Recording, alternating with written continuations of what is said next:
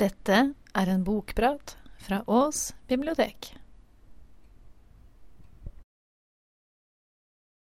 Det er fortsatt Anja som jobber nede i barneavdeling. Men eh, i dag så har jeg med en bok eh, av Sinad Prisadi. Og den heter 'Sommerfulle lenker'. Um, Prisadi hun, eh, hun er komiker. Og hun er skuespiller og forfatter. Og hun er svensk i Iran. Sk- Og dette her, det er hennes eh, debu- debutroman. Og ja, denne boken har jo to fortellinger. Den har en fortelling om en jente som vokser opp, som heter Kirin. Som eh, vokser opp i en by som heter eh, Tradabad i Iran.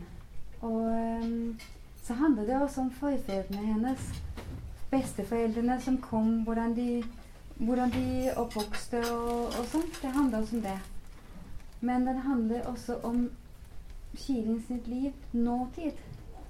Og jeg har tenkt meg å ta mye av barndommen, og så har jeg tenkt, tenkt meg å ta et lite snitt av hvordan hun tenker når hun er i nåtiden. da.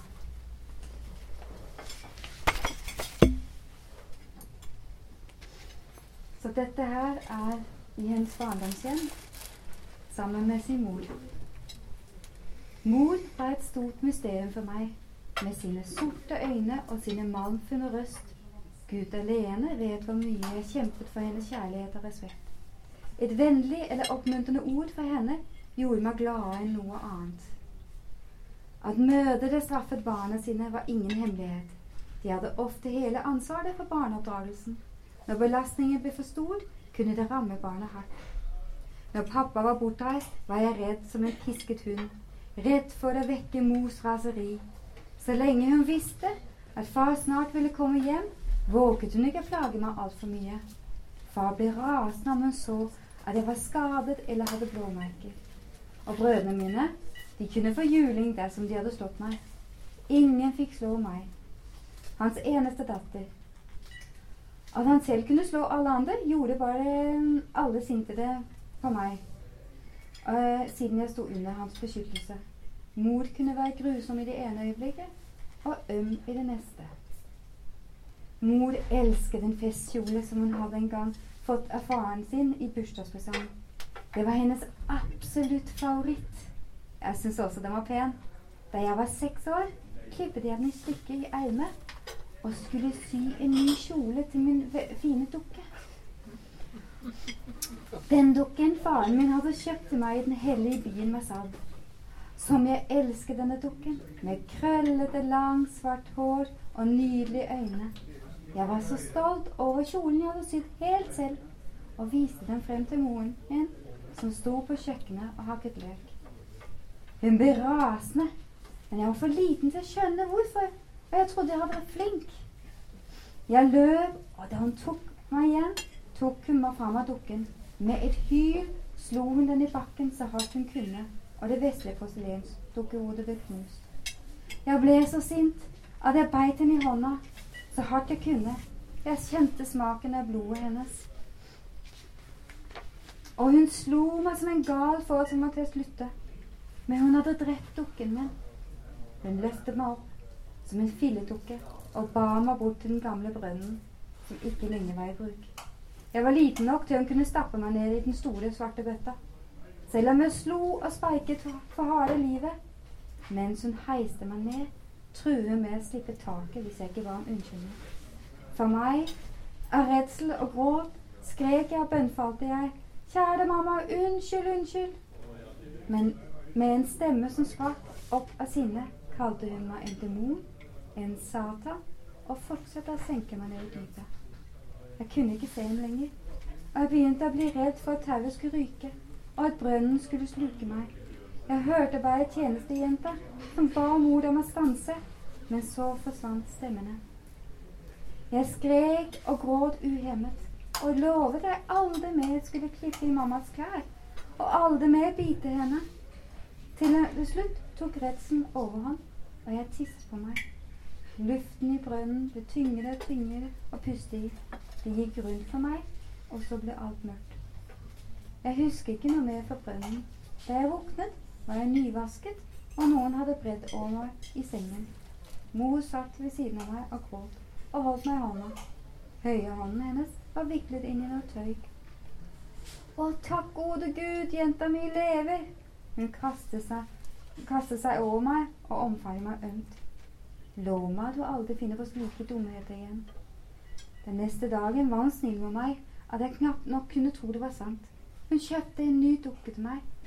Den var til og med enda finere enn den gamle, og til gjengjeld ba hun mamma aldri fortelle til faren hennes.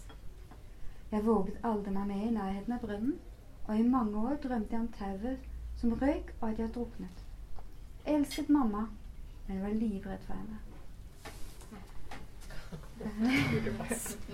Ja, det er, det er sånn det er for, um, for Kirin. Hun er veldig redd mammaen sin. Og, eh, og, er veldig glad når pappaen er hjemme, for da klarer hun å, å være seg selv. Og Kirin hun vokser opp og nyter livet egentlig som barn. For når man er barn i Iran, så kan man gjøre nesten hva man vil. Man kan leke hvem man vil. Og bestevennen til Kirin heter Iman. Og han er en gutt, så klart. Og det er jo så det at eh, en dag så er hun jo tolv år, og da kommer jo hun til å få menstruasjon. Og når man får menstruasjon i Iran, så er det en veldig stor festdag. Der eh, feier man at man er blitt kvinne. Og eh, Kirin hun skjønner jo egentlig ikke helt hvorfor de skal feie at hun har fått menstruasjon, for hun kan ikke forstå det, for hun er jo bare barn. Men når man har eh, etter, litt etter den festen som de har hatt for hun har feiret menstruasjon, så skal de ha en ny fest. Og den har jeg lyst til å fortelle litt om. Dagene gikk, og hver måned ved fullmåne visste jeg at jeg ville få mensen. Jeg likte, likte, det ikke og ville det skulle slutte å gå vekk, for jeg savnet å være barn. En dag så mor, mor at få, eh, vi skulle få gjester. Jeg skulle ta på meg festkjole og bære smykke. Jeg forsto ikke hvorfor hun gjorde så stort nummer ut av å få gjester. Vi hadde jo ofte besøk. Det var det først da hun sa det. De er her for å fri til deg at jeg innså rekkevidden om hva som skulle skje. Innerst inne ble jeg urolig, for jeg ville jo gifte meg med Imad. Og jeg var skuffet over at han ennå ikke hadde fritt til meg. Om jeg gifter meg med en annen, ville han kanskje forstå hvilket tap det var å miste meg. Ikke bli overlegen fordi du har fått én frie, du. Du er, liksom, du, er, du er fremdeles liten selv om du er voksen, sa mor. Det var hushjelpen Sevir som hadde fungert som ekteskapsmegler. Som ekstrajobb vasket hun hos en annen familie, der sønnen i huset nettopp var uteksaminert som pilot. En dag hadde hun fortalt dem at han ikke kunne få en bedre jente enn meg. Og Sivil lovte at piloten var utrolig vakker og en veldig snill mann. Og dersom jeg giftet meg med han, ville hun heller komme og jobbe hos meg enn å bli hos mammaen min. Tenk å ha en mann som kunne ta meg opp til himmelen på ordentlig, tenkte jeg. Jeg elsker å sitte høyt på en gren og se utover skyene og drømme meg bort. Hjertet slo hardt. Jeg visste ikke helt hvorfor. Og tankene gikk i spinn. Hva er det egentlig man gjør når man gifter seg? Kan jeg ta med dukkene mine? Jeg visste ingenting om det, og hva som skulle skje mellom en mann og en kvinne. Tankene, gikk, tankene mine var et barns uskyldige fantasi. Nå som jeg skulle møte min første frier, ble jeg urolig. Feriet gikk over all forventning. Jeg serverte te og kaffe og kake. Piloten var kjekk og kom i uniform med hvite hansker og nypussede sko. Aldri har jeg sett så skinnende blanke herresko. Pappa syntes jeg var for ung til å gifte meg, og sa, piloten, sa til piloten at vi ikke kunne forlove oss før jeg var 15 år. Men piloten, som var 25, hadde ikke tid til å vente lenger. Han ville gifte seg nå, for da fikk han lønnsforhøyelse. Hushjelpen ble svært skuffet over mine foreldres beslutning, for nå måtte hun fortsette å jobbe for den strenge moren min i mange år til. Det første jeg gjorde som en dag som ikke-vårende pilotfrue, var å trosse mine foreldre enda en gang og hoppe over muren for å møte en mann. Jeg måtte få sagt til ham at det var mulig at jeg skulle gifte bort når som helst. Så om han ville ha meg, måtte han sannelig til ta til å fri. Imad så på meg med et lite smil. Jeg er jo bare 15 år. Og hvordan eh, skal jeg klare å forsørge deg? sa Emad. Men jeg spiser ikke så mye, svarte jeg. Og mann, min medsammensvorne, hva skal, skulle jeg ha gjort uten han? Den eneste gangen jeg ble skikkelig forbannet på han, var da han eh, lo av meg da jeg hadde pynta med mammas leppestift. Han syntes jeg så ut som en klovn. Han likte meg best sånn som jeg var, med sand og ugress i håret, klar for nye eventyr. Ja, og siden nå har hun jo fått mensen, og foreldrene tenker jo på frierier. Og uh, de har i hvert fall ikke tenkt seg at hun skal bli mann. Og når man har fått, uh, er blitt en kvinne, som man sier det i Iran, så får man ikke lov å henge eller være sammen med guttevenner. Det får man ikke lov til. Så hun blir eh, fratatt retten til å se Imad, og det er jo forferdelig trist for henne. Og, eh, og det, det, gjør jo så at hun sniker seg ut for å møte ham. Og eh, det er jo ikke alltid like heldig. Og, eh, en høstdag i september tok barndommen slutt for alvor.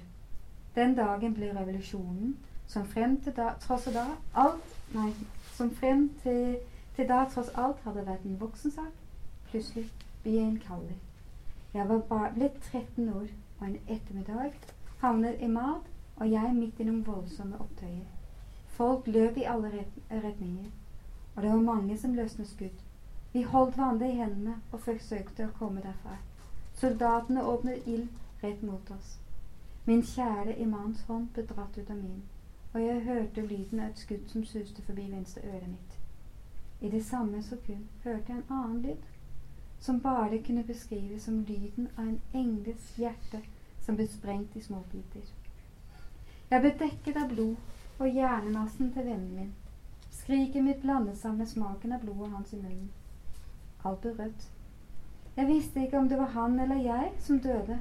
Jeg falt over den liv livløse kroppen til min elskede mann lekekameraten min. Jeg visste allerede da at jeg ville komme til å sørge over han alle mine dager. Mer husker jeg ikke. Jeg våknet av vannstrålene som beskyldte over meg. Hushjelpen stod bøyd over meg. Kjærlig som en mor vasket hun meg og forsøkte å skylle min venns hjernevasse ut av hodet mitt. Hun så at jeg skulle, sa jeg skulle være glad, for det var hun som fant henne, før mor. Hun ville slått deg i hjel hun forbød deg å gå til demonstrasjonene og se Imad. Nå må jeg få orden på deg før hun kommer hjem. Hun er ute og leter etter nå. Du må aldri fortelle det du har vært med på. Ikke under noen omstendigheter. Moren til Imad kommer til å klandre deg for at gutten hennes er død.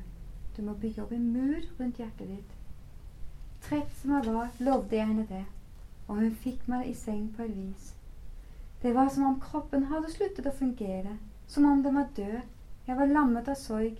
I Imans begravelse var noen av oss som la seg ned på den nylig oppkastede graven.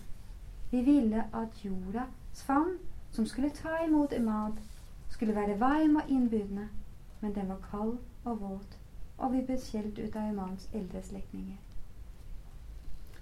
Jeg visnet bort, ropte i søvne og skar tenner. Våknet våkne med blødende tunge og blodig pute. Jeg var, ble aldri varm, men frøs og skalv og hadde vanskeligheter for luft, akkurat som jeg ble kastet ned i brønnen igjen. I ukevis fikk jeg medisiner mot revmatisme, selvsagt uten resultat, men legene hadde ingen svar. Imams ånd kom til meg i drømmene, og hver gang jeg tok ham i hånda, skjedde det samme.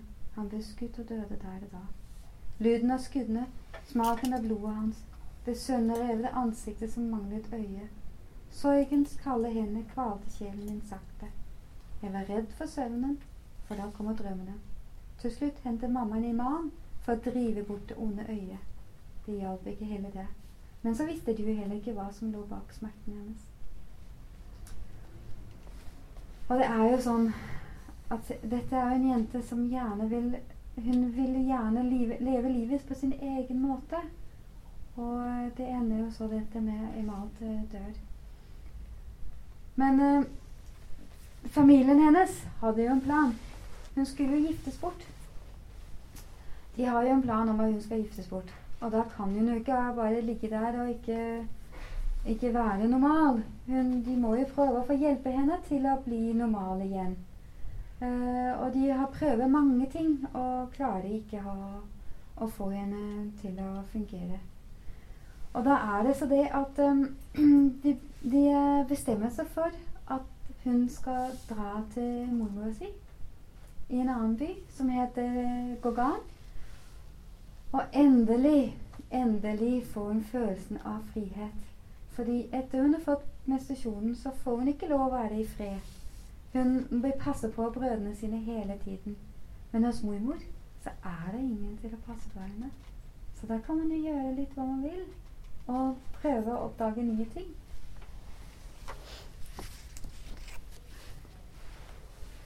En dag da jeg var på vei til den nye skolen min, øste, øste regnet ned. Og jeg måtte holde blikket festet på bakken for å unngå øh, vannpyttene. Hønene og hanene i nabolaget hadde flakset opp i trærne, som de alltid gjorde for å beskytte seg mot regnet. Et sikkert tegn på det kom til å være langvarig. Enda svanene derimot, de danset ba og badet lykkelig i dammen som dannet seg. Og jeg var konsentrert om å unngå vannpyttene og så konsentrert at jeg ikke hørte at det kom en bil kjørende rundt hjørnet. Føreren kjørte rett mot meg, tydeligvis sikker på at jeg hadde, hadde sett bilen, og ville hoppe til side. Da jeg ikke gjorde det, bråbremset bilen med skrikende bremser. Jeg ble så forskrekket at jeg mistet de tre bøkene jeg bar mot brystet. Hele meg begynte å koke av vrede, og jeg glodde på mannen som steg ut av, ut av bilen med illsint blikk. Er du blind, kvinne? spurte han like sur, og så like sur ut. Rappkjeftet som jeg er, svarte jeg. Nei, er det du som er blind? Har du kjøpt førerkortet på en basar, eller? Mannen så mildt talt fornærmet ut over en kvinne våget å tiltale ham på denne måten. Han virket ikke mye eldre enn meg, men tilstrekkelig eh, til at han ville behandle meg som en liten jente som ikke visste bedre. Først nå fikk jeg øye på, fikk jeg øye på de bøkene jeg hadde mistet. Den vakre dagboken som jeg hadde skrevet på et eget språk, og hadde funnet opp, som jeg hadde funnet opp for å beskytte tankene mine mot, mot nysgjerrigpene. Fløyt rundt ros, som en rosa fisk i alt det brune. Mannen plukket den opp, rakte den til meg, og jeg dro den til meg. Fornærmet over han tok i den. Ingen andre hadde, lov, ingen andre hadde noensinne fått lov å røre min dagbok. Den forrige dagboken min hadde blitt stjålet av brødrene mine, og hadde fått, de hadde fått den til å sitte i timevis på å knekke koden på mitt hemmelige språk før jeg tok dem på fersk gjerning. Her i Gorgan fikk jeg endelig hatt tingene mine i fred. Mannen så litt skamfull ut over ødeleggelsene han hadde foretaket. En, egentlig var, var, det hans feil. Som bilist er det han som hadde ansvaret. Da han bøyde seg ned for å plukke opp en gjennombok til, fikk jeg øye på noe helt spesielt. På venstre ringefinger hans var det en grønn jadering. Og plutselig husker jeg å ha sett ham før. Grimas, utbrøt jeg, og sinnet ble erstattet av varme. Det er meg, Kirin. Og her møter hun en gammel eh, kjenning fra familien som hun har møtt hos sine onkel. Og eh, ja eh, Vi sto og pratet så lenge jeg kunne så lenge jeg plutselig skjønte jeg ville komme for sent på skolen. Jeg tok et hurtig farvel, og fingertuppene våre møttes, og jeg kjente et støt gjennom kroppen som gjorde meg helt varm. Jeg skyndte meg derfra. Da jeg snudde meg og så på Knas, som sto igjen i regnet og så etter meg. Det var, det var som om vi begge visste at dette var ikke en vanlig samtale. Følelsen som flagget gjennom meg. Det var som om jeg hadde feber i skoletimen og ikke klarte å slutte å fnise. Det var til og med noen som, noe som minte meg litt om Imad. En varm pirring inni meg, lik den jeg hadde følt som barn når Imad ventet på meg. Imad hadde gitt meg spenst i beina, og vi hadde alltid vært på vei um, vi, vi, hadde, vi, hadde, alltid vært på vei på, til et eller annet sted for å finne nye rampestrekker. Og jeg begynte ham sånn. Men det jeg følte for Kmas, nå som jeg hadde blitt 16, var en ny følelse av å være no, være, ville være nær noen. Dagen da Kumas nesten kjørte meg med farfars nye bil, var begynnelsen på min aller første ordentlige forelskelse. Da Kimas noen uker senere vis, viste i handlingen at min kjærlighet ble gjengjeldt, var lykken min stor. Jeg hadde gått sammen med mormor til legen. Hun gikk ofte til legen, fordi hun alltid trodde at hun hadde en eller annen ny, ny sykdom som snart måtte leges. Denne dagen hadde av sin stadig tilbakevillende migreneanfall. Jeg gikk etter henne opp trappen til legen. Der, der kom noen nedover trappen i motsatt retning. Jeg rakk ikke se at, jeg rakk se det var en mann, men jeg kjente igjen joggeskoene og så død kumas. Og i samme øyeblikk som øynene våre møttes, tok han ansiktet mitt i hendene og kysset meg midt på munnen. Jeg ble helt sjokkert, men det eneste jeg klarte, var, var å tenke Tenk om mormor snur seg for å se dette. Kroppen dirret. Det gikk så fort. Det var over på et sekund, og Kumas løp videre og blunket til meg da jeg kom inn på venteværelset værelset til, til mormor. Kunne jeg kunne, jeg, kunne hun se det var noe som var forandret med meg. Hva er det med deg? Du er jo helt rød i ansiktet. Jeg svarte ikke, men klarte ikke å la være å le. Og jeg lo slik at mormor slo meg på låret blant alle med andre mennesker. Jeg hadde fått mitt første ordentlige kyss. Det var som å vandre på rosa skyer. Alt føltes mulig. I min naivitet tenkte jeg at det kom til å bli oss. Kumas hilste alltid på mormor da vi møttes, og mormor smilte til svar og mente det var en hyggelig ung mann. Kinnene mine brant, og jeg trengte ikke være redd. Det gjorde ingenting om mormor visste det. Det føltes så fint å kunne dele det med henne. Jeg kjente det som om det var Guds vilje at mine elskere hadde flyttet til byen i vei, utenfor rekkevidde og alle vokternes blikk. Slik ble tilværelsen igjen slått i stumpede stykker da mor ringte en dag og tvang meg, til, tvang meg til å flytte tilbake til Sadabal. Jeg gråt og jeg skrek og jeg nektet. Mormor til på sin side holdt med meg og skjelte ut datteren sin på telefon. Dere kommer til å gjøre henne ulykkelig, ropte hun. Shirin er et annet slag.